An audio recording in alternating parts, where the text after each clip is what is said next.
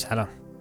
ዛሬ ይዤ የመጣሁት የ Stoicism ፈላስፋዎች practice የሚያደርጉትን ነው፣ exercise የሚያደርጉትን ነው everyday እና ከነሱ ውስጥ እኛን ይጠቅማሉ ብዬ ያሰብኩትን ይዤ የመጣሁት። የመጀመሪያው ቀን ተቀን ህይወታችሁ ውስጥ ቆም ብላችሁ ሞትን እንድታስቡ። የሞትን አይቀሬነት ማሰባችን more wise እንዲሆን ያደርገናል። more የምናደርገው ነገር የሚጠቅም ወይም የሚረባ ነገር ወይም ደግሞ ሰላም የሚሰጠን በመጥፎ ነገር አለ እሞታለሁ ሳይሆን ሞት እንዳለ ማሰብ ሞት እንደማይቀር ማወቅ በ Stoicism ፍልስፍና ትልቅ ቦታ ተሰጥቶት practice የሚደረግ ነገር ነው። ለምን የፈለገ ተወራጭን የፈለገ እዚህ ይዛልን ማለት ነው። any time any day ልንሞት ስለምንችል በየቀኑ የምናደርገውን ነገር ሞትም እንዳለ እያወቅን ብናደርገው የተሻለ ሰው እንሆናለን፣ የተሻለ ሰላም እናገኛለን፣ የተሻለ ጥበብ እናገኛለን። wisdom ኣችን ይጨምራል፣ ሰላማችን ይጨምራል።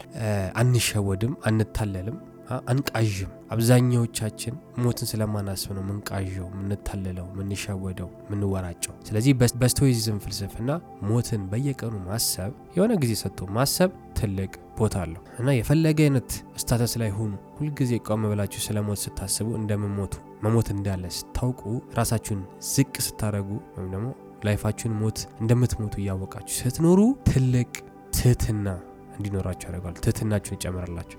ይሄ pride ኣችሁን ይቀንስላችኋል። የራሳችሁን የምትኮፈሱትን ነገር ይቀንስላችኋል። ቀን ተቀን የምታደርጉትን ቅርርብ ንጹህ ያደርግላችኋል፣ ያሰፋላችኋል። ብቻ wisdom ኣችሁን ይጨምርላችኋል፣ ሀሳባችሁን ይቀንስላችኋል። almost ego ን መግደያ ነው። ስለ ሞት ማሰብ ማለት እንደምትሞቱ ማወቅ፣ ቆም ብሎ ማየት የምታደርጉት ነገር ሁሉ ሞት እኮ አለ ልሞት እችላለሁ ብሎ ማድረግ አንድ ego ይቀንስላችኋል። አትኮፈሱም፣ pride አይኖራችሁም። ከሰው ጋር በቀላሉ ትግባባላችሁ፣ ሰውን በቀላሉ ትረዳላችሁ እና የሚገርም ትሁት ሰው ትሆናላችሁ። ምክንያት አላችሁ ማለት እውነት ስለምታውቁ እውነትን ማወቅ ነው። anytime እንደምትሞቱ ማወቅ በደመ ነፍስ አለመሄዳ አለመጋለባችንን ያሳየናል ማለት ነው። ቆም ብለን ስለ ሞት ስናስብ እንደማንጋለብ እንደማንሮጥ ያሳየናል። ሀሳባችንን ይገራልናል፣ ሰላማችንን ይጨምርልናል፣ ጥበባችንንም ይጨምርልናል። ስለዚህ ወሳኝ practice ነው በ Stoicism ማለት ነው። ሌላ የ Stoic ፈላስፎች practice የሚያደርጉት ወይም እኛ practice እንድናደረግ የሚነግሩ ነገር ምንድን ነው? ሁልጊዜ ጠዋት ጠዋት reflect እንድናደረግ በጥልቀት እንድናይ መነሳታችን ትልቅ ነገር እንደሆነ በህይወት መኖራችን ትልቅ ነገር እንደሆነ እንደ privilege እንድናየው እንደ ትልቅ ልዩ መብት እንድናየው ጠዋት መነሳታችን ምንም አለመሆናችን ትልቅ ነገር እንደሆነ reflect እንድናደርግ everyday ማለት ነው። grateful ከሆናችሁ በኋላ ማለት ነው reflect የምታደርጉት ነገር ምንድን ነው? ሙሉ ቀን መቆጣጠር የምትችሉት ወይም ደግሞ የሆነ ነገር ማድረግ የምትችሉት ሀሳብና ተግባር ብቻ እንደሆነ እወቁ። ሀሳባችሁና ተግባራችሁን ብቻ ለመቆጣጠር ስነስርዓት ለመያዝ ሞክሩ። ከዚ ውጭ ያለ ነገር ከውጭ የሚመጣ ነገር ከቁጥራችሁ ውጭ የሆነ ነገር ላይ ቦታ አትስጡ ወይም እንዳትሰጡ ራሳችሁን ላይ አስተምሩት። reflect አድርጉ። ምን እንደምትችሉ ምን እንደማትችሉ ጠዋት ተነስታችሁ ራሳችሁን update አድርጉ። ለምን ያን ቀን ስንኖር ብዙ ጊዜ ችግር እየፈጠርን ያለ ነው መቆጣጠር የማንችለውን ነገር እየወጣን ለመቆጣጠር ስንሞክር ነው። ግን እኛ ሀሳባችንና ተግባራችንን ከተቆጣጠርን አሪፍ ቀን ማሳለፍ እንችላለን። ሰላም ቀን ማሳለፍ እንችላለን። ሀሳብና ተግባራችንን ደግሞ መቆጣጠር ከቻለን wisdom አለን ማለት ነው። ልብ ማለት እንችላለን ማለት ነው። ስለዚህ Stoic ፈላስፎች ሚሆናል ጠዋት ተነስታችሁ ማለት ነው ተግባራችሁና ሀሳባችሁን ብቻ ለመቆጣጠር ስነስርዓት ለማስያዝ ሞክሩ። ዲሲፕሊን ለመሆን ሞክሩ። ከእናንተ የሚጠበቀው እሱ ብቻ ነው። ከዛ ውጭ ያለው ነገር ውጭ የሆነ ነገር ምንም ነገር ቢሆን ምንም አይምሰላችሁ። ለምን ከቁጥራችሁ ውጭ ነው። limit ኣችሁን እወቁ ማለት ነው። ልካችሁን እወቁ። ጠዋት ተነስታችሁ ልካችሁን እወቁ።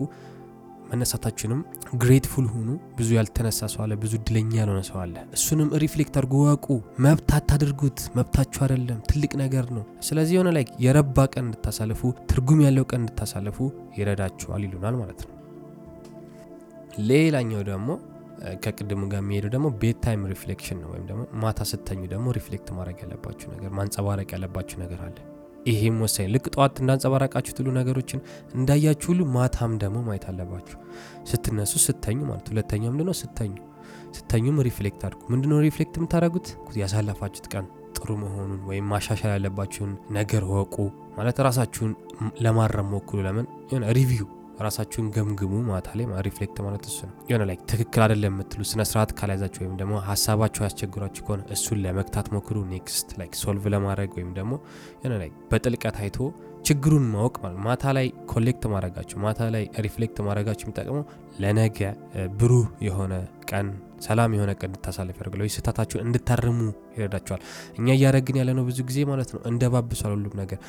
ዛሬ የረበሸን ነገር ጸጥ ነው እያሳደር ነው፣ ነገም ይረብሸናል፣ ከነገ ወዲያም ይረብሸናል፣ እድሜ ልካችን ይረብሸናል። ስለዚህ ማታ ቁጭ ብሎ reflect ማድረግ ያስቸግሩን nag ያደረጉን የጎተጎቱን ነገሮች አስቀምጠን ፊት ለፊት ማለት ነው ምንድን ነው ችግራቸው ብሎ reflect ማድረግ በጥልቀት ማየት ትልቅ ነገር ነው በ stoic ፍልስፍና ማለት ነው። ለምን እየቀነስን እንመጣለን። የሚያሰቃዩን ነገር፣ ሰላም የሚያሰጡን ነገር እየቀነስን እንመጣለን። በዛውም ልክ ደግሞ ጥበባችንን wisdom ኣችንን እየጨመርን እንመጣለን። ሌላው ሰው በደመነፍስ የሚያደርገው ነገር እኛ ቆም ብለን ስህተት እናርማለን ማለት ነው።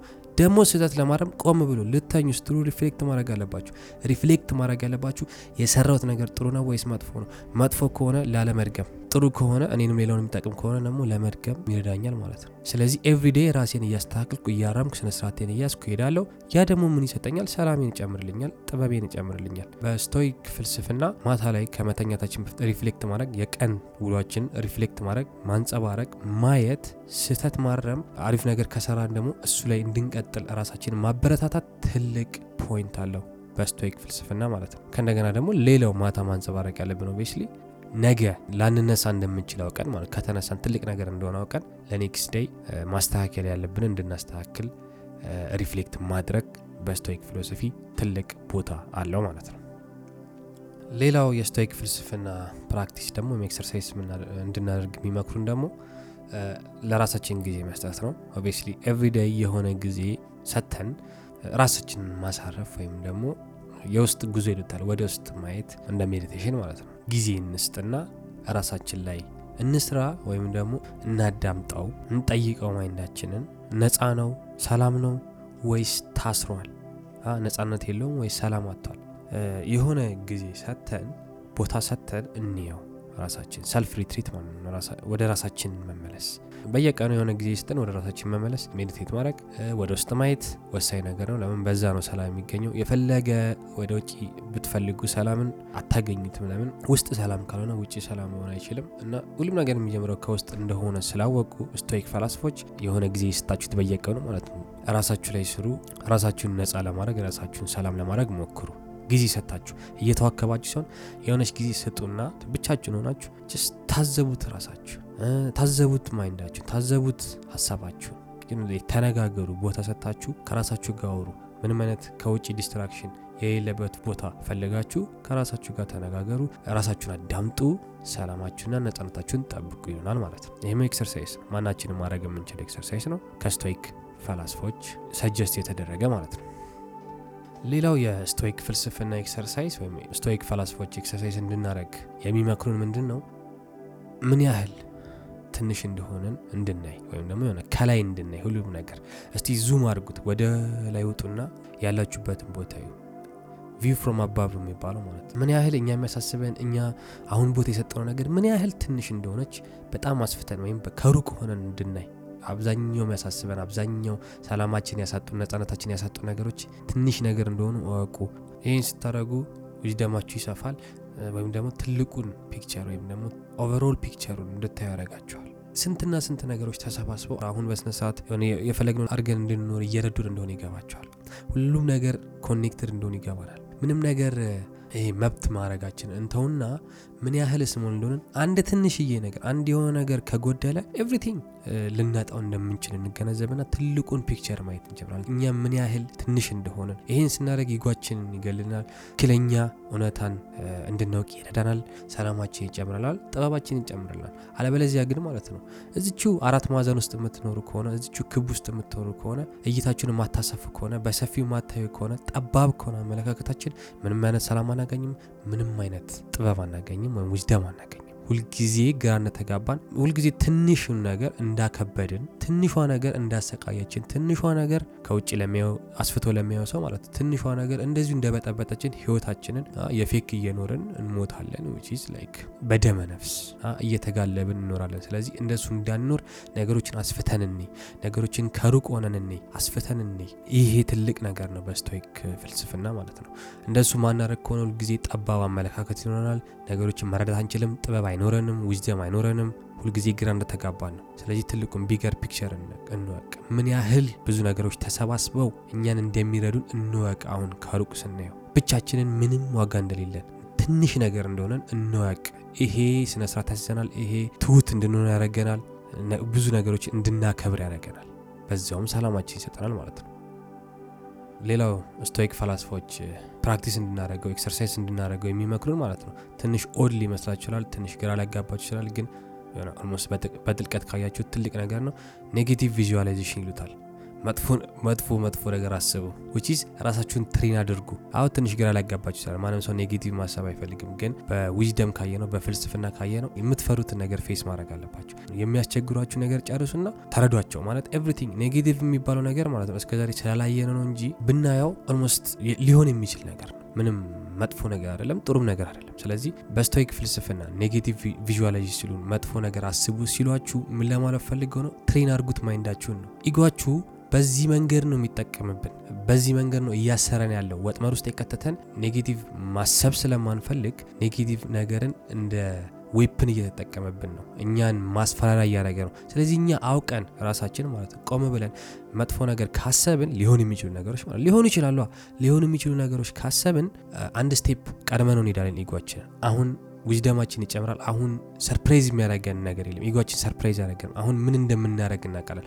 በ Stoic ፍልስፍና ማለት ነው። ለምሳሌ ሁሉንም አለን የምትሉትን ንብረት ሁሉ lose ስታደረጉ visualize አድርጉት፣ አስቡት። ያላችሁ ንብረት ሁሉ አጥታችሁ አስቡት ይሉናል። ምንድን ነው የሚሰማችሁ? train አድርጉ mind አችሁን። የሆነ ሰዓት ድንገት ሊመጣ ይችላል፣ ላይመጣም ይችላል፣ ግን ሊመጣ ይችላል። ለእሱ ተዘጋጁ። ይሄ ማለት አንድ step ጠላታችሁን አንድ step መቅደም ማለት ነው። ego አችሁ ጠላታችሁ ነው እና ego አችሁ የሚመጣባችሁ በዚህ መንገድ ነው። everyday ማለት ነው። አሁን ሀብት እያላችሁ ሀብታችሁ ቢጠፋስ እያለ ማለት ነው አስር ሀያ ዓመት ሙሉ mood የሚይዝባችሁ ማለት ነው። እናንተ ቆም ብላችሁ ሀብቴ ቢጠፋ ወይም አለኝ ምለው ነገር ሁሉ ቢጠፋ ምን አደርጋለሁ ብላችሁ ቆም ብላችሁ ስላላያችሁ ነው። ስለዚህ Stoic ፈላስፎች ይሉናል እናንተ አስቀድማችሁ እያላችሁ ያ እዩ አሁን የምትወዱት ሰው እያለ ቢሞትስ ብላችሁ imagine አድርጉ። አሁን ሀብት እያላችሁ ግን ሀብቴ ሁሉ ባጣውስ ብላችሁ visualize አድርጉ። ከዛ ስሩበት። ምንድን ነው የማደርገው? ተዘጋጁ። አስቀድማችሁ ተዘጋጁ ማለት ነው። ይሄ ጥበብ ነው። የ Stoicism ፈላስፎች የሚነግሩን ጥበብ ነው። በዚህ መንገድ አንድ step መቅደም እንችላለን። ego አችንን አንድ step መቅደም እንችላለን። any negative thought አችንን አውቀን ራሳችን ፈቅደንለት ካየነው negative visualize ካረግን መጥፎ ነገር ቢሆንስ ብለን ካሰብንና ከተዘጋጀን ሲመጣ አይገርመንም። ላይመጣ እኮ ይችላል፣ ግን even ቢመጣ አይገርመንም። ቤተሰባችሁን ማጣት visualize አድርጉ። ባል ሚስት ማጣት፣ ልጅ ማጣት visualize አድርጉ። እያሟረታችሁ አይደለም። ይሄ አንድ step ego አችሁን እየቀደማችሁ አሁን ለምሳሌ ዛሬ visualize ካረጋችሁ ያላችሁ ነገር ማጣት ማለት የሆነ ሰዓት በሀሳብ መልክ ቢመጣ እንኳን መልስ አዘጋጅታችሁለት ነው። አሁን ቤተሰባችሁን ማጣት visualize ካረጋችሁ ካሰባችሁ ባጣስ ብላችሁ ካሰባችሁ የሆነ ሰዓት በሀሳብ ደረጃ ቢመጣ መልስ አላችሁ ተዘጋጅታችኋል ማለት ነው። ስለዚህ ይሄ ጥበብ ነው። በሱ ብቻ አይደለም Stoic ኦች ያቆሙ። ለምሳሌ የሆነ ሰዓት መስማት ቢያቅተኝ ብላችሁ visualize አድርጉ። ማየት ቢያቅተኝ ብላችሁ visualize አድርጉ። ራሳችሁ ማለት like ቢሆን ምን አደርጋለሁ የሚለውን መልስ train አድርጉ፣ ተዘጋጁበት። እሱ እሱ ነው ህይወታችሁ እንዲያስጠላ የሚያደርጋችሁ ድንገት ሀፕ የሚያደርግ ስለዚህ ድንገት ሀፕ የሚያደርግ ተዘጋጅታችሁ ትጠብቁታላችሁ። anything lose ልታደረጉት የምችሉት ነገር ሁሉ ባረገውስ ብላችሁ ተዘጋጁ። ከዛ በኋላ አውቃችሁ በስነሳ ተዘጋጅታችሁ ስለሆነ ሰላማችሁ ነው የምትጨምሩት። ብዙ ጊዜ ማለት ለሆነ ነገር ከተዘጋጀን ያ ነገር ሲመጣ ብዙ አይከብድንማ። ስለዚህ እንደዛ ነው Stoic ፈላስፋዎች እያሉ ያሉ ተዘጋጁ ለእነዚህ ነገር። ይሄ ነው የ ego አችሁ ammo፣ ይሄ ነው ቀላሃው፣ ይሄ ነው በዚህ ነው የሚገለን ego አችን። በዚህ ነው ህይወታችን እንዲያስጠላ የሚያደርገን ህይወታችን አጥጋቢ እንዲሆን የሚያደርገን እነዚህን ተጠቅሞ ነው። እንደዚህ ቢሆንስ ቢሆንስ ቢሆንስ እያለ ነው ጭንቀታም የሚያደርገን። ስለዚህ ቀድመን ከተዘጋጀንበት አንድ step እንቀድመዋለን። ከዛ በኋላ ማንም መጥቶ አይነቀንቀንም፣ ምንም ሀሳብ መጥቶ አያወዛውዘንም። unshakable ይሉናል ማለት ነው። ስለዚህ anything የምትኮሩበትን ነገር lose ባረገውስ ብላችሁ አስቡ። ከብር ጀምሩ፣ ከቤተሰብ ጀምሩ፣ ከአይን ከእግር ከእጃችሁ አንድ እግሬ lose ባረግ፣ አንድ አይኔ lose ባረግ፣ የምትወዱት ነገር lose ባረግስ ብላችሁ አስቡ። ተዘጋጁበት። negative visualization ማለት ነው። ይህንን እየተጠቀመን ego አችን ሰላም እያሳጣን ያለው ስለዚህ አስቀድመን ከተዘጋጀን ትልቅ ሰላም እናገኛለን፣ ትልቅ wisdom እናገኛለን፣ surprise አንሆንም፣ የማይነቃነቅ ሰላም እናገኛለን ይሉናል Stoic ፈላስፋዎች ማለት ነው። ሌላው Stoic ፈላስፎች እንድናደርገው የሚመክሩ ነገር ምንድን ነው? ማስታወሻ ነገር ጻፉ። ቀን ያደረጋችሁት ነገር ወሳኝ ወሳኝ ነገሮችን ጻፉና ማታ ላይ review አድርጉት።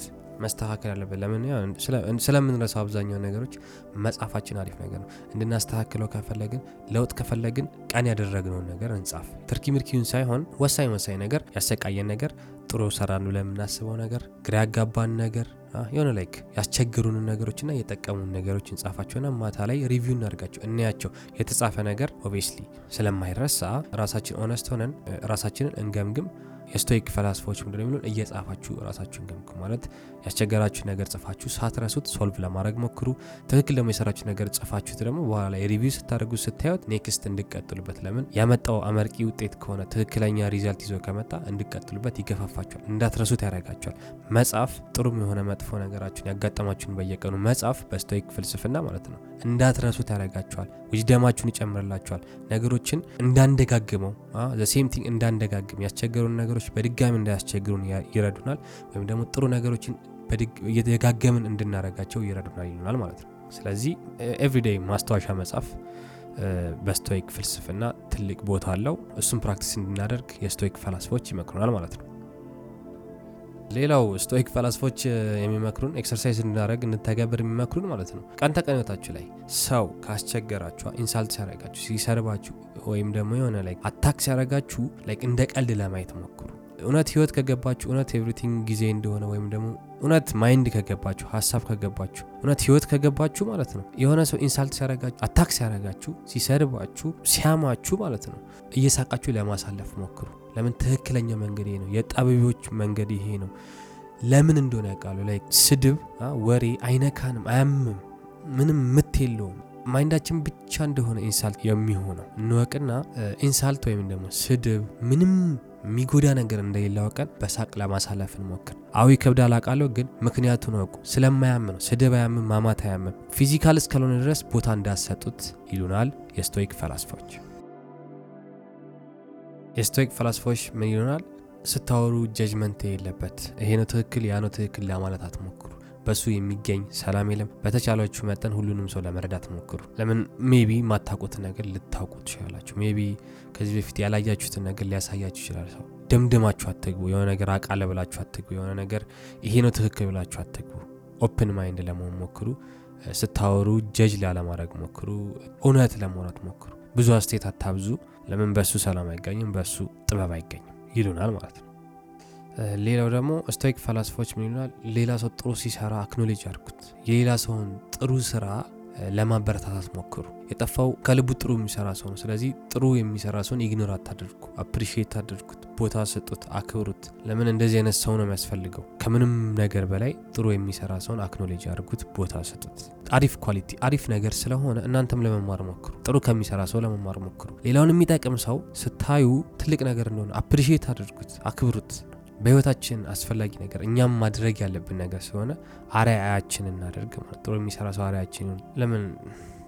በጣም የጠፋው ነገር እሱ ነው። ሁሉም ለራሱ ነው የሚሰራው። ስለዚህ ለሌሎች ጥሩ የሚሰራ ሰውን ቦታ ሰተን ክብር ሰተን እንየው acknowledge እናደርገው ይሉናል ማለት ነው ሌላው Stoic ፈላስፎች exercise እንድናደረገው practice እንድናደረገው እንድንተገብረው የሚነግሩን ምንድን ነው ከሌላ ሰው እይታ ነገሮችን ለማየት እንሞክር። ብዙ ጊዜ የራሳችን እይታ እየጋረደን ነው። የሆነ ሰው ጋር ካልተስማማን ማለት ነው። ይልቁንስ እኔ ትክክል ነኝ አንተ ትክክል አይደለም ከማለት ይልቅ የሆነ ሰው ምክንያት አለው። የፈለገ ትክክል ይሁን አይሁን እንተውና በምን እይታ አይቶት ነው?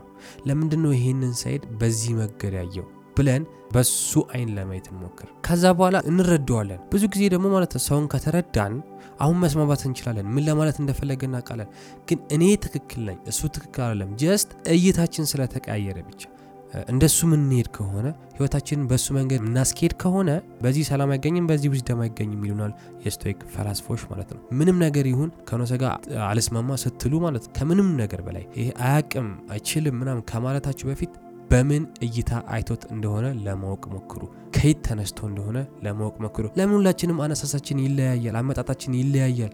የሁላችንም እይታ ከተለያየ መንገድ ነው የመጣው። ለእኛ ጥሩ ያልነው ለእሱ መጥፎ ሊሆን ይችላል። ስለዚህ እኛ በፍልስፍና ወይም በዊዝደም ሲክ የሚያደረግ ሰው ማለት ነው። ዝም ብሎ ጨርሻለሁ ሳይሆን የሚለው ምንድን ነው ትልቁ የዊዝደም ማንትራ ምንድን ነው ብዙ ጊዜ ምንድን ነው እኔ ማውቀ አለማወቄ ነዋ ስለዚህ የሆነ ነገር ያ ሰው ያውቃል። አውቀን አልጨረስንም አውቆ የሚጨረስ ነገር የለም። ስለዚህ ከሌላ ሰው perspective ለማየት ከሌላ ሰው እይታ ለማየት እንሞክርና ያን ሰውዬ ለመረዳት እንሞክር። ማን ይረዳው ታዲያ? እኛ ካልተረዳው ማን ይረዳው? wisdom የሚፈልግ ሰው ካልተረዳው ያን ሰውዬ ሰላም የሚፈልግ ሰው ካልተረዳው ታዲያ ማን ይረዳው? ሁሉም እኮ በራሱ አዙሪት ላይ እየዞረ ነው እና እኛ ለየት ለማለት ወይም ደግሞ እኛ ትክክለኛ wisdom ፈላጊዎች ነን ወይም ጥበብ ፈላጊዎች ነው ካልን ከማንም ሰው ጋር ከመከራከራችን ከመዳረቃችን በፊት ከመናቆራችን በፊት እይታውን ለማየት እንሞክር። ከምን ተነስቶ ነው እንደዚህ ለማለት የሞከረው ብለን እኛ ጊዜ ሰተን ቦታ ስተን ካየን የምናገኘው መልስ ትልቅ ነገር ነው። የምናገኘው መልስ ከሰውየው ጋር እንድንስማማ ያደርገናል። አብዛኛው ዋይ ሰዎች፣ አብዛኛው ጠቢብ ሰዎች ማለት ነው